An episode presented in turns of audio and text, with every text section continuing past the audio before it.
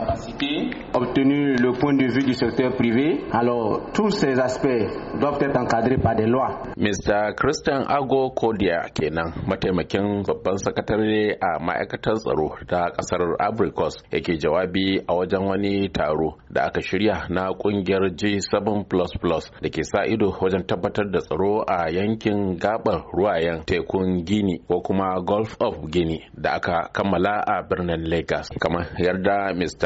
Alan Charles Cole shige kula da ayyukan tsaro a kan teku na Majalisar Ɗinkin Duniya. Uh, we are a program of about 50 full-time uh, staff in 16 countries around the world um, and many of them in this region. Ya ce yanzu haka hukumata tana da ma'aikata na dindindin guda hamsin a ƙasashe goma sha shida da ke sassa daban-daban na duniya akasarinsu kuma a wannan yanki aikinmu shine tabbatar da tsaro tare kuma da samun bayanai da ke da nasaba da ayyuka irin na ta'addanci ko safarar muggan ƙwayoyi ko kuma makamai da zummar hana aukuwan haka. Har ila yau muna ba da horo da kuma harkokin shari'a da ya shafi ayyuka irin na zirga-zirgar jiragen ruwa. Ko a yankin mashigin ruwan somaliya yanzu haka akwai masu fashin teku kimanin dubu ɗaya da aka kama kuma aka gurfanar da su a gaban kuliya. We've seen 1,000 Somali pirates um, arrested and detained. Najeriya dai na ɗaya daga cikin ƙasashen duniya da ke cin gajiyar taimakon da take samu daga sauran ƙasashe da suka ci gaba da kuma majalisar ta ɗinkin duniya.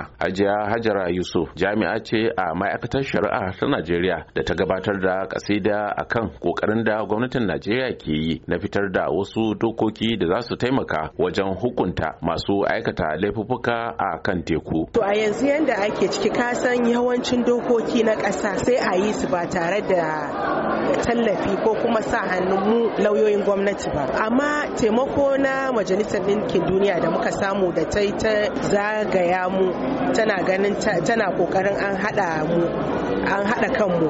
Mun samu wannan karan mu ma'aikatar shari'a ta sa hannu cikin wannan dokar saboda ko da an gabatar da ita ta zama doka ta ƙasa mu mu za mu yaki da ita. To kowane mataki rundunar sojan ruwan najeriya ke ɗauka na tabbatar da tsaro da kuma haɗin kai tsakaninta da sauran rundunonin sojojin ruwa na sauran ƙasashe. A yankin na gini admiral ferguson bubai shine manda horarwa da kuma gudanar da ayyuka a shalkutar rundunar sojin ruwan najeriya. In recent years nigeria's maritime environment has been challenged with threats posed by criminal activities such as crude oil theft. Kamar yadda ka sani gaban ruwan najeriya a baya-bayan nan na fuskantar matsaloli na tsaro da suka kama da ayyuka irin na fashin teku da satar man fetur a kan ruwa da kuma yin su ba tare da ka'ida ba da sauran ayyuka irin na sumoga. Daga shekara ta 2008 zuwa shekarar 2016 kimanin jiragen ruwa 200 ne aka kama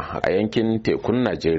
Kuma kawo yanzu kimanin guda goma sha biyar ne kadai aka zartar da hukunci a kansu. Baban yajibirin murai amurka daga lagos.